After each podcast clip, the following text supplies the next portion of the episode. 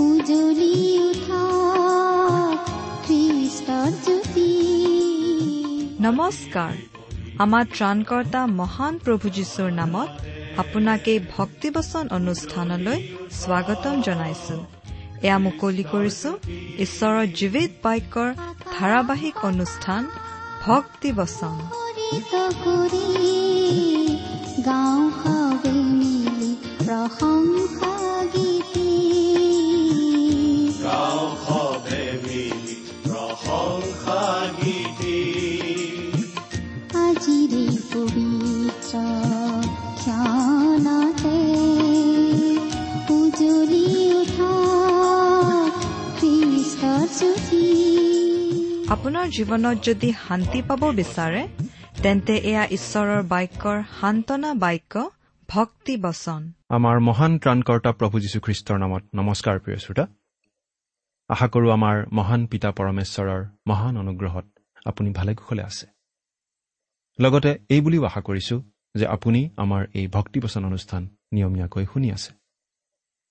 এই ভক্তিবচন অনুষ্ঠানৰ জৰিয়তে আমি আমাৰ শ্ৰোতাসকলৰ সুবিধাৰ অৰ্থে বাইবেল অধ্যয়নৰ পাঠ আগবঢ়াই আহিছো। যিমান পাৰো সহজ সৰলকৈ। এই অনুষ্ঠান শুনাৰ দ্বাৰা আপুনি যদি কিবা প্ৰকাৰে উপকৃত হৈছে আমালৈ লিখি জনাবচোন। অৱশ্যে অনুষ্ঠান সম্বন্ধে আপোনাৰ মতামত আদি জনায়ো আমালৈ লিখিব পাৰে। আমাৰ ঠিকনাটো অনুগ্ৰহ কৰি লিখি লওকচোন। ভক্তিবচন টি ডব্লিউ আৰ ইণ্ডিয়া ডাক বাকচ নম্বৰ সাত শূন্য গুৱাহাটী সাত আঠ এক শূন্য শূন্য এক। ভক্তিবচন T W R India post box number seventy Guwahati seven eight one zero' zero' one আমাৰ website W W W dot radio' eight eight two dot com আহকচোন আমাৰ আজিৰ অধ্যয়ন আৰম্ভ কৰাৰ আগতে আমাৰ পৰম পিতা পৰমেশ্বৰৰ ওচৰত প্ৰাৰ্থনাত মূৰ নত কৰোঁ হওক। হে আমাৰ স্বৰ্গত থকা অসীম দয়ালু পিতৃ ঈশ্বৰ প্ৰভু তোমাৰ গৌৰৱ মহিমা পৰাক্ৰমৰ তুলনা নাই। তুমি সৰ্বজ্ঞানী সৰ্বব্যাপী সৰ্বশক্তিমান ঈশ্বৰ। তোমাৰ প্ৰেম আৰু অনুগ্ৰহতেই আমি ভৰসা কৰি তোমাৰ কাষ চাপিছো। তোমাক বিশেষভাৱে ধন্যবাদ জনাওঁ কাৰণ তুমি তোমাৰ একমাত্ৰ পুত্ৰ যীশুখ্ৰীষ্টকে আমালৈ পঠালা যাতে তেওঁত বিশ্বাস কৰি আমি পৰিত্ৰাণ পাব পাৰোঁ অনন্ত জীৱন লাভ কৰিব পাৰোঁ। এতিয়া প্ৰভু আমি বিশেষভাৱে প্ৰাৰ্থনা কৰিছো তুমি আমাক সহায় কৰা যাতে তোমাৰ বাক্যৰ নিগূঢ় তত্ত্ব আমি বুজি পাব পাৰোঁ। এই অনুষ্ঠান শুনি থকা প্ৰতিজন শ্ৰোতাৰ আগত তুমি নিজকে প্ৰকাশ কৰা। তেওঁলোকক তোমাৰ মাত শুনিবলৈ দিয়া। কিয়নো এই প্ৰাৰ্থনা আমাৰ হকে ক্ৰুচত প্ৰাণ দি তৃতীয় দিনা পুনৰ জি উঠা মৃত্যুঞ্জয় প্ৰভু যীশুখ্ৰীষ্টৰ নামত অৰ্পণ কৰিছো। আমেন।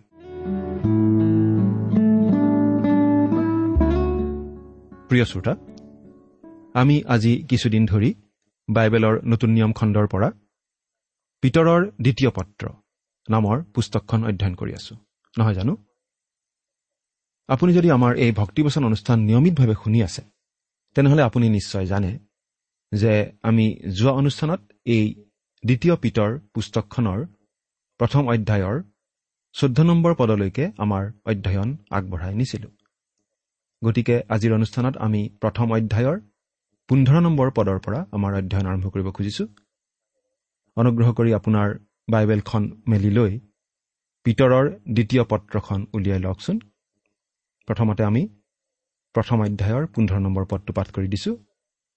ইয়াত এনেদৰে লিখা আছে আৰু তোমালোকে যাতে মই পৰলোকলৈ ওলাই যোৱাৰ পাছতো সকলো সময়ত এইবোৰ কথা সুঁৱৰি থাকিব পাৰিবা মই এনে যত্নও কৰিম। আমি ইয়াৰ আগৰ পদকেইটা আলোচনা কৰোঁতে পাইছিলোঁ যে পাচনি পিতৰে সোনকালেই মৃত্যুবৰণ কৰিব বুলি জানিছিল। তেওঁ যে প্ৰভু যীশুৰ হকে শ্বহীদ হ'ব লাগিব সেই কথা প্ৰভু যীশুৱেই তেওঁক জনাই দিছিল। তেওঁ মৃত্যুৰ আগে আগে খ্ৰীষ্টীয় বিশ্বাসীসকলক কিছুমান প্ৰয়োজনীয় উপদেশ দি যাব বিচাৰিছিল। তেওঁ কৈছিল তেওঁ এই পাৰ্থিৱ শৰীৰ বা তম্বুটো এৰি যাবলৈ বেছিদিন নাই। ইয়াতো তেওঁ সেই একে কথাকে উল্লেখ কৰিছিল। মই পৰলোকলৈ ওলাই যোৱাৰ পাছত। ইয়াত তেওঁ যিটো মূল শব্দ ব্যৱহাৰ কৰিছিল তাৰ অৰ্থ হৈছে যাত্ৰা। তেওঁ সোনকালেই তেওঁৰ পাৰ্থিৱ ঘৰ তেওঁৰ তম্বু ত্যাগ কৰি ওলাই যাব। এই পাৰ্থিৱ শৰীৰ তেওঁ কাপোৰ শুলুকোৱাৰ নিচিনাকৈ শুলুকাই থৈ যাব আৰু তেওঁ যাত্ৰা কৰিব পৰলোকলৈ। এই যাত্ৰা বা ওলাই যোৱা কথাখিনিয়ে এটা কথা স্পষ্ট কৰি দিয়ে যে মৃত্যুতেই সকলো শেষ নহয়। যেতিয়া ইছৰাইলীয়া লোকসকল মিছৰ দেশৰ পৰা ওলাই আহিছিল তেতিয়া মিছৰীয়া লোকসকলে কৈছিল তেওঁলোকৰ সৈতে আমাৰ আৰু একো লেনদেন নাই। তেওঁলোকক লৈ আমি আৰু মূৰ নঘমাওঁ সকলো শেষ। কিন্তু তাতেই ইছৰাইলীয়া লোকসকলৰ সকলো শেষ হৈ যোৱা নাছিল। তেওঁলোকে অৰণ্যৰ মাজেৰে যাত্ৰা কৰি কৰি কালক্ৰমত গৈ প্ৰতিজ্ঞাৰ দেশত প্ৰৱেশ কৰিছিল আৰু আনকি আজিও মিছৰীয়াসকলে তেওঁলোকৰ কথা চিন্তা নকৰাকৈ থাকিব পৰা নাই। ঠিক একেদৰে পাচনি পিতৰৰ বাবেও মৃত্যুতেই সকলো শেষ নহয়। মৃত্যু মানে এটা যাত্ৰাহে মাত্ৰ। সকলো সময়তে এইবোৰ কথা সোঁৱৰি থাকিব পাৰিবা মই এনে যত্নও কৰিম। পিতৰে তেওঁৰ মৃত্যুৰ আগে আগে খ্ৰীষ্টীয় বিশ্বাসীসকলক কিছুমান বিশেষ গুৰুত্বপূৰ্ণ কথা সোঁৱৰাই দি যাব খুজিছে যাতে সেই কথাবোৰ তেওঁৰ মৃত্যুৰ পাছতো আমি মনত ৰাখোঁ সোঁৱৰণ কৰি থাকোঁ। আৰু তেওঁ যিটো কথা বিশেষভাৱে জোৰ দি ক'ব সেইটো হৈছে ঈশ্বৰৰ বাক্যৰ সত্যতা আৰু স্থায়িত্ব। এতিয়া আমি পিতৰৰ এই পত্ৰখনত থকা বাকী যিখিনি কথা পাম সেইখিনি কথা আমি এটা বিশেষ ধৰণে চাব পাৰোঁ।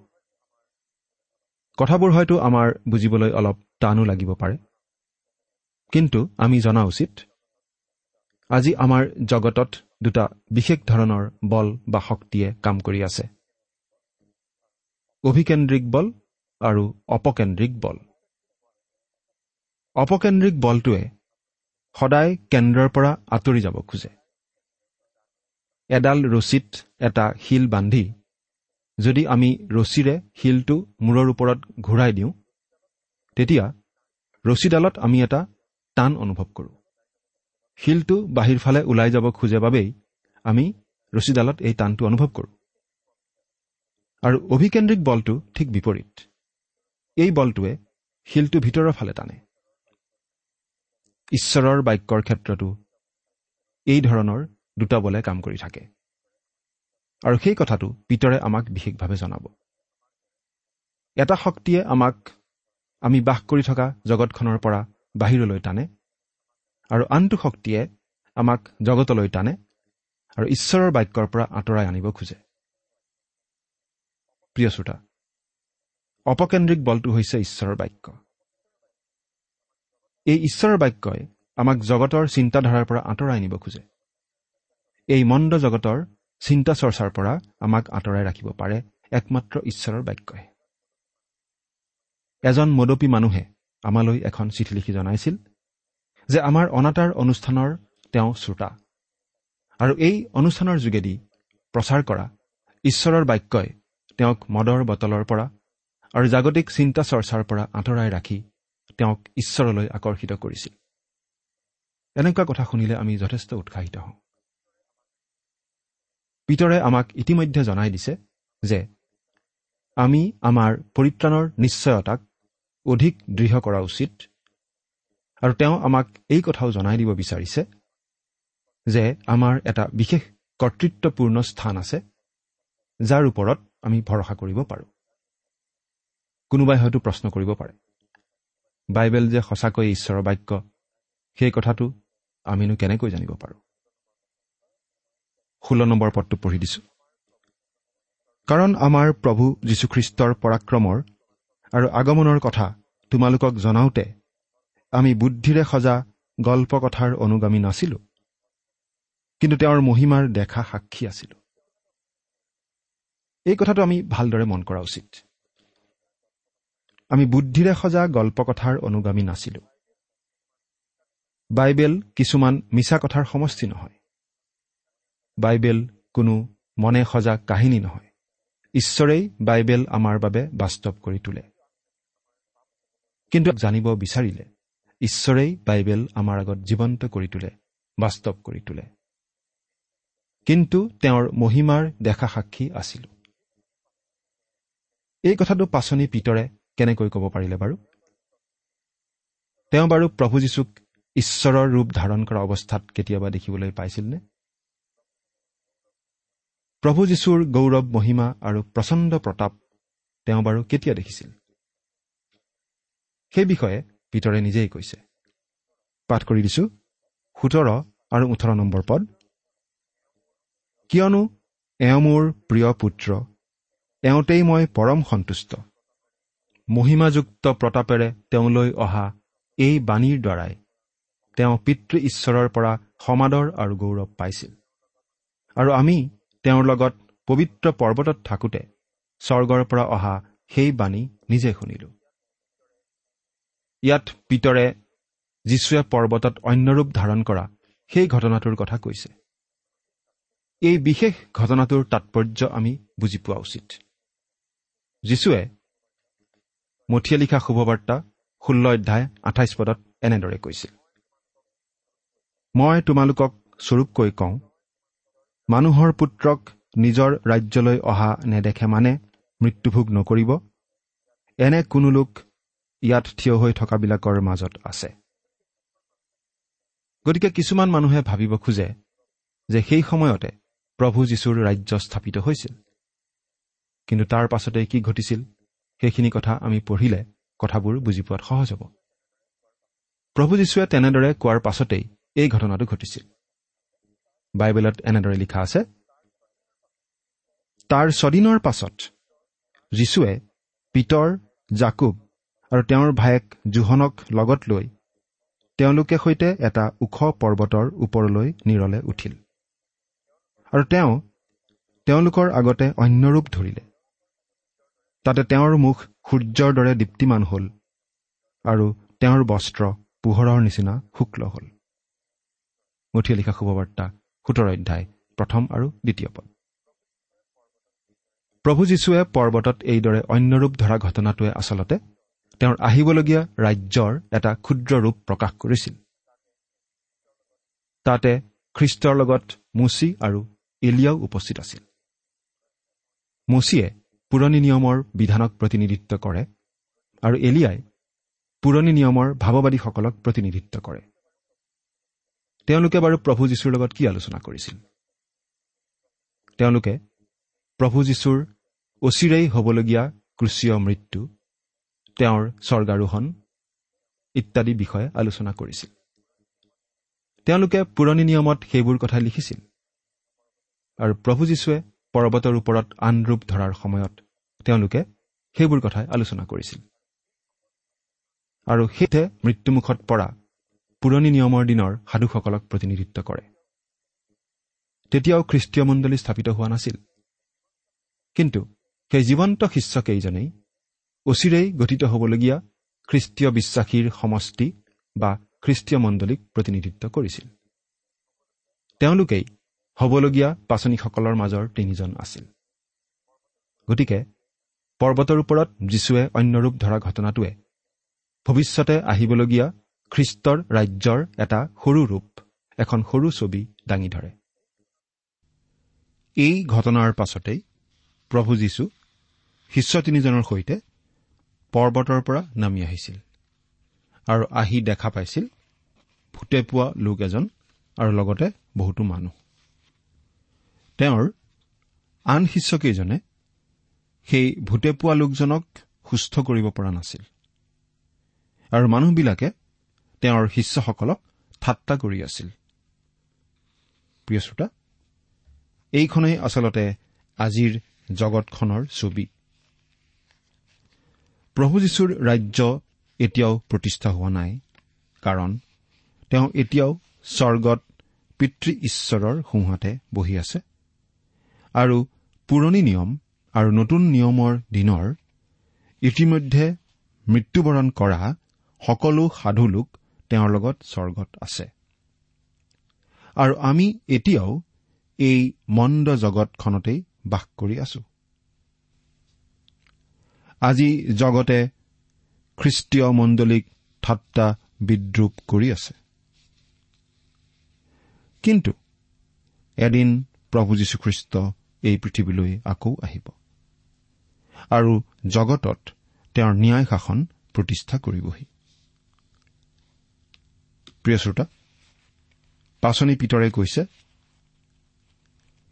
তেওঁ প্ৰভু যীশুৱে পৰ্বতত অন্য ৰূপ ধাৰণ কৰাৰ সময়ত প্ৰভু যীশুৰ লগতে আছিল। সকলো ঘটনা তেওঁ নিজ চকুৰে দেখিছিল। তাৰ পাছত পাচনি পিতৰে এটা অতি গুৰুত্বপূৰ্ণ কথা কৈছে। মন কৰকচোন। পাঠ কৰি দিম। ঊনৈশ নম্বৰ পদ ইয়াত কি কৈছে? আৰু আমি ভাৱবাদীসকলৰ বাক্য আগতকৈ দৃঢ় হৈ থকা পাইছো।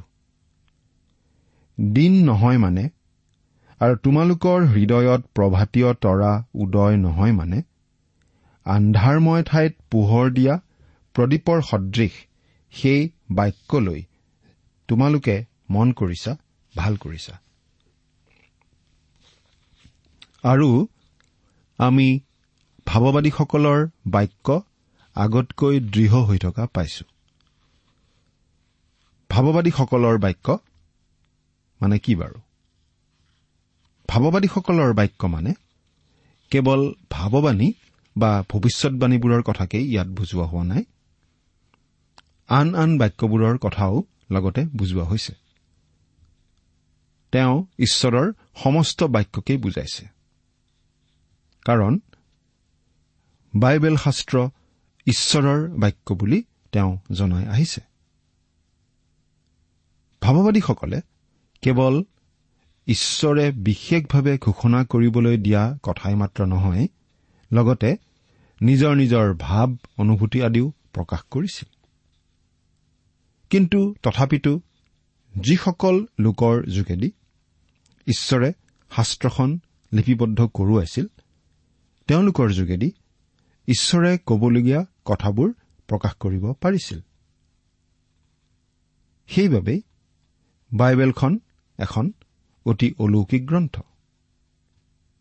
ঈশ্বৰৰ বাক্য কেৱল ঐশ্বৰিক কথাৰেই পূৰ্ণ নহয় লগতে মানৱীয় ভাৱ অনুভূতি আদিও ঈশ্বৰে প্ৰকাশ পাই উঠিবলৈ দিছে তেওঁৰ এই বাক্যৰ যোগেদি। যেনেকৈ প্ৰভু যীশু স্বয়ং ঈশ্বৰ হৈও মানুহ আছিল। ঠিক একেদৰে বাইবেল শাস্ত্ৰখনো ঈশ্বৰৰ বাক্য হোৱা স্বত্তেও মানৱীয় আৱেগ অনুভূতিৰে পৰিপূৰ্ণ। এই বাইবেলত মানুহৰ জীৱনৰ অতি ব্যৱহাৰিক দিশৰ কথাবোৰ আছে।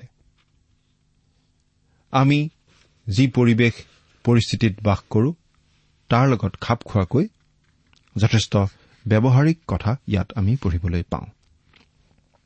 তথাপি বাইবেলখন এনেকুৱা এখন গ্ৰন্থ যাৰ যোগেদি ঈশ্বৰে মানুহক কথা কয় আৰু ঈশ্বৰে মানুহক কথা কয় মানুহে বুজি পাব পৰা ধৰণেৰে। তোমালোকৰ হৃদয়ত প্ৰভাতীয়তৰা উদয় নহয় মানে। আন্ধাৰময় ঠাইত পোহৰ দিয়া প্ৰদীপৰ সদৃশ সেই বাক্যলৈ যে তোমালোকে মন দিছা ভাল কৰিছা। প্ৰিয় শ্ৰোতা প্ৰভু যীশুখ্ৰীষ্টকেই উজ্জ্বল প্ৰভাতীয় তৰা বুলি বাইবেলত কোৱা হৈছে। এই কথা আমি প্ৰকাশিত বাক্য বাইশ নম্বৰ অধ্যায়ৰ ষোল্ল নম্বৰ পদত পাওঁ।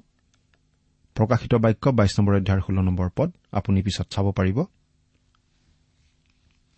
আৰু আন্ধাৰময় ঠাইত পোহৰ দিয়া প্ৰদীপ মানে হৈছে ঈশ্বৰৰ বাক্য অৰ্থাৎ বাইবেল শাস্ত্ৰ। প্ৰভু যীশুখ্ৰীষ্ট আকৌ আহিব। কিন্তু তেওঁৰ আগমন নোহোৱা পৰ্যন্ত ঈশ্বৰৰ বাক্যই মানুহক এই মন্দ জগতৰ পৰা আঁতৰ কৰি আনি ঈশ্বৰলৈ আকৰ্ষণ কৰি আছে। আৰু প্ৰতিজন খ্ৰীষ্টীয় বিশ্বাসীয়েই ঈশ্বৰৰ বাক্যলৈ মন দি থকা উচিত। এতিয়া বিশ নম্বৰ পদটো চাওঁ হওক। কিয়নো প্ৰথমে ইয়াকে জানিছা যে শাস্ত্ৰৰ কোনো ভাৱবাণী কওঁতাৰ নিজৰ ব্যাখ্যাৰ বিষয় নহয়। কিয়নো প্ৰথমে ইয়াকে জানিছা। চিমুন পিতৰে কৈছে যে আমি প্ৰথমে এই কথাটো জানিবই লাগে। জনা মানে এনেকুৱা জ্ঞানৰ কথা কোৱা হৈছে যি জ্ঞান ঈশ্বৰৰ বাক্যৰ যোগেদিও আহে। যি কথা আমি হয়তো যুক্তিতৰ্কেৰে প্ৰমাণ কৰিবও পাৰোঁ আৰু যি জ্ঞান পবিত্ৰ আত্মাই আমাৰ বাবে বাস্তৱ কৰি তোলে। প্ৰিয় শ্ৰোতা আমি এতিয়া অন্ততঃ এটা কথা ক'ব পাৰোঁ যে বাইবেলখন ঈশ্বৰৰ বাক্য বুলি এতিয়া আৰু আমাক কোনেও প্ৰমাণ কৰি দেখুৱাবৰ প্ৰয়োজন নাই। কাৰণ বাইবেলখন যে সঁচাকৈ ঈশ্বৰৰ বাক্য হয় সেই কথা পবিত্ৰ আত্মাই ইতিমধ্যেই আমাক দেখুৱাই দিছে। পবিত্ৰ আত্মাই এই কথা আমাৰ অন্তৰত বাস্তৱ কৰি তোলে। আমি জানো ঈশ্বৰৰ বাক্যই মানুহৰ জীৱনত আমূল পৰিৱৰ্তন আনি দিব পাৰে। জীৱন সম্পূৰ্ণ পৰিৱৰ্তিত কৰি দিব পাৰে। আমি বহুতো শ্ৰোতাৰ পৰা পোৱা চিঠি পত্ৰই তাৰেই সাক্ষ্য বহন কৰে। ঈশ্বৰৰ বাক্যত শক্তি আছে। এই কথা আমি জানিব পাৰোঁ আৰু প্ৰমাণো আমি পাওঁ। আৰু সেই সকলো কথা পবিত্ৰ আত্মাই আমাৰ আগত বাস্তৱ কৰি তোলে। শাস্ত্ৰৰ কোনো বাণী কওঁতাৰ নিজৰ ব্যাখ্যাৰ বিষয় নহয়। অৰ্থাৎ অৰ্থাৎ ঈশ্বৰৰ বাক্যৰ ব্যাখ্যা আমি নিজৰ খুচিমতে দিব নোৱাৰো। যি প্ৰসংগত যি অৰ্থত কথাবোৰ লিখা হৈছে তাৰ পৰা আমি লৰচৰ কৰিব নালাগে। তদুপৰি কোনো এটা শাস্ত্ৰাংশ ব্যাখ্যা কৰিবলৈ হলে সেই বিষয়ে শাস্ত্ৰৰ আন ঠাইত কি কোৱা হৈছে সদায় তাৰ উদ্ধৃতি দিব লাগে। শাস্ত্ৰৰ পৰা কেৱল মাত্ৰ এটা পদ লৈ তাৰ ভিত্তিতেই আমি এটা নতুন তত্বৰ সৃষ্টি কৰা উচিত নহয়। গোটেই শাস্ত্ৰখনে কি কৈছে সেইটোহে মূল কথা। আৰু সেই কথাটো মনত ৰাখিহে আমি শাস্ত্ৰৰ ব্যাখ্যা আগবঢ়াব লাগে। এতিয়া একৈশ নম্বৰ পদটো চাওঁ হওক। কাৰণ ভাৱবাণী মানুহৰ ইচ্ছাৰে কেতিয়াও অহা নাই। কিন্তু মানুহবিলাকে পবিত্ৰ আত্মাৰ দ্বাৰাই চালিত হৈ ঈশ্বৰৰ পৰা কথা পাই কলে। কাৰণ ভাৱবাণী মানুহৰ ইচ্ছাৰে কেতিয়াও অহা নাই। পাচনি পিতৰে ইয়াত পুৰণি নিয়মৰ দিনৰ ভাৱবাণীৰ কথাকেই বুজাইছে। ভাৱবাণী মানুহৰ ইচ্ছাৰে অহা নাই। উদাহৰণস্বৰূপে ৰিচয়া ভাৱবাদীয়ে বহি চিন্তা কৰা নাছিল। মই এখন পুস্তক লিখিব লাগিব। তাত এনেকুৱা কিছুমান কথা লিখিব লাগিব। নাই। তেওঁ নিজে পৰিকল্পনা কৰি যিচয়া পুস্তকখন লিখা নাছিল। তেনেদৰে কোনো ভাৱবাদীয়েই নিজে ইচ্ছা কৰি কথাবোৰ লিখা নাছিল। কিন্তু মানুহবিলাকে পবিত্ৰ আত্মাৰ দ্বাৰাই চালিত হৈ ঈশ্বৰৰ পৰা কথা পাই কলে। পবিত্ৰ আত্মাৰ দ্বাৰাই চালিত হৈ। ঠিক পালতৰা নাও এখন বতাহে ঠেলি নিয়াৰ নিচিনা। এনেকুৱা এটা ভাৱ ইয়াত প্ৰকাশ পাইছে। ঠিক একেদৰে পবিত্ৰ আত্মাই বিশেষভাৱে পৰিচালিত কৰিছিল সেই ভাৱবাদীসকলক। অৰ্থাৎ ভাৱবাদীসকলে যি সকলো কথা কৈছিল সেইবোৰ তেওঁলোকে ঈশ্বৰৰ পৰাই পাইছিল। পাচনি পৌলেও মৃত্যুৰ আগে আগে তিমঠিয়লৈ লিখা চিঠিত ঈশ্বৰৰ বাক্যতেই গুৰুত্ব আৰোপ কৰি এনেদৰে লিখিছিল। দ্বিতীয় তিমঠিয় তিনি নম্বৰ অধ্যায়ৰ ষোল্ল নম্বৰ পদ। গোটেই শাস্ত্ৰ ঈশ্বৰ নিশ্বাসিত। আৰু পাচনি পিতৰেও ইয়াত ঠিক একেধৰণৰ কথা এটাই প্ৰকাশ কৰিছে। প্ৰিয় শ্ৰোতা ঈশ্বৰৰ বাক্য কেতিয়াও অথলে নাযায়। পুৰণি নিয়মৰ দিনতেই ঈশ্বৰে ভাৱবাদীসকলৰ যোগেদি প্ৰভু যীশুখ্ৰীষ্টৰ বিষয়ে ভৱিষ্যৎবাণী কৰি থৈছিল। সেই কথাবোৰ ফলিওৱা আমি দেখিছো। ঠিক একেদৰে প্ৰভু যীশুখ্ৰীষ্টৰ পুনৰ আগমনৰ বিষয়ে ভৱিষ্যৎবাণী কৰি থোৱা আছে। প্ৰভু যীশুখ্ৰীষ্ট আকৌ আহিব এই পৃথিৱীলৈ সেই বিষয়ে। সেই কথাবোৰো নিশ্চয় ফলিয়াব। সেই স্থায়ী অলৰ ঈশ্বৰৰ বাক্যতেই ভৰসা কৰি আপুনি বাৰু প্ৰভু যীশুকেই আপোনাৰ প্ৰভু আৰু ত্ৰাণকৰ্তা বুলি গ্ৰহণ কৰিছেনে? চিন্তা কৰি চাওকচোন। ঈশ্বৰে আপোনাক আশীৰ্বাদ কৰক। আহমেদ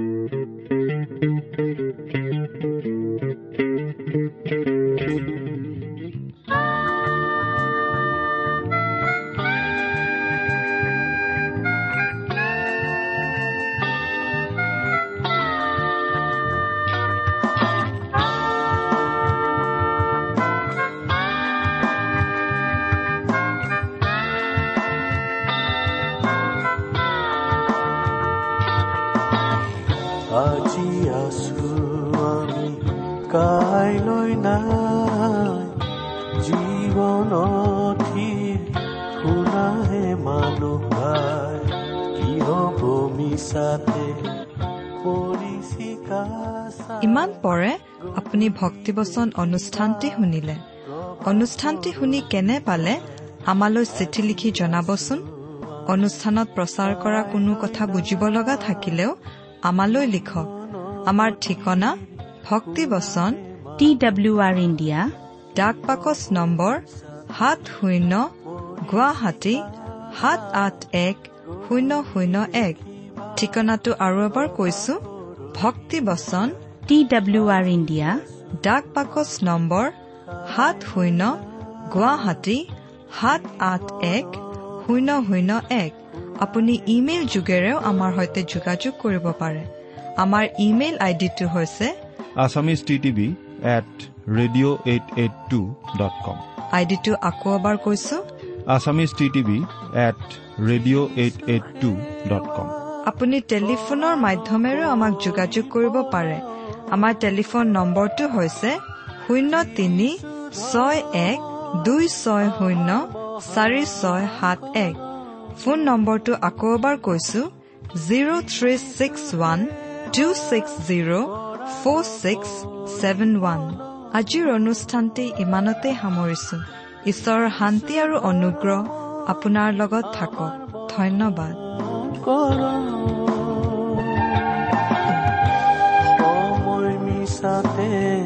নকৰিবা ক্ষয় যিচুৰ সেৱাৰ এই সময় আজি আছো আমি।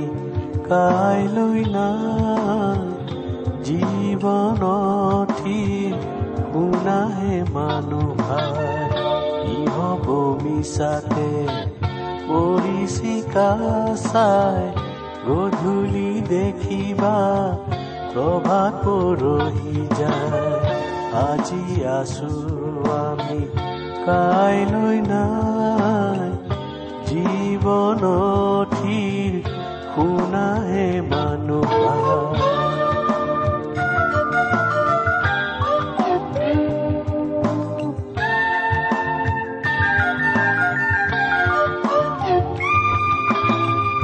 যিচু সেৱা কৰা নকৰিবল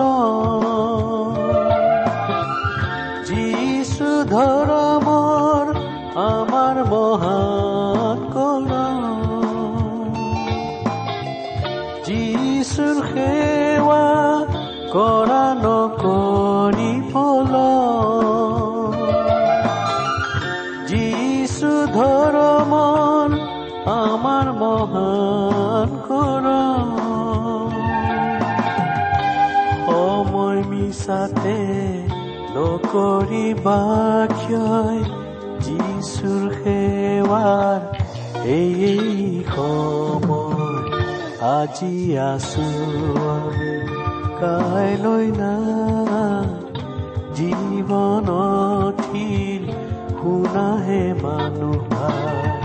কি হ'ব মিছাতে পৰিচিকা চাই, গধূলি দেখিবা প্ৰভাত পৰহি যায়।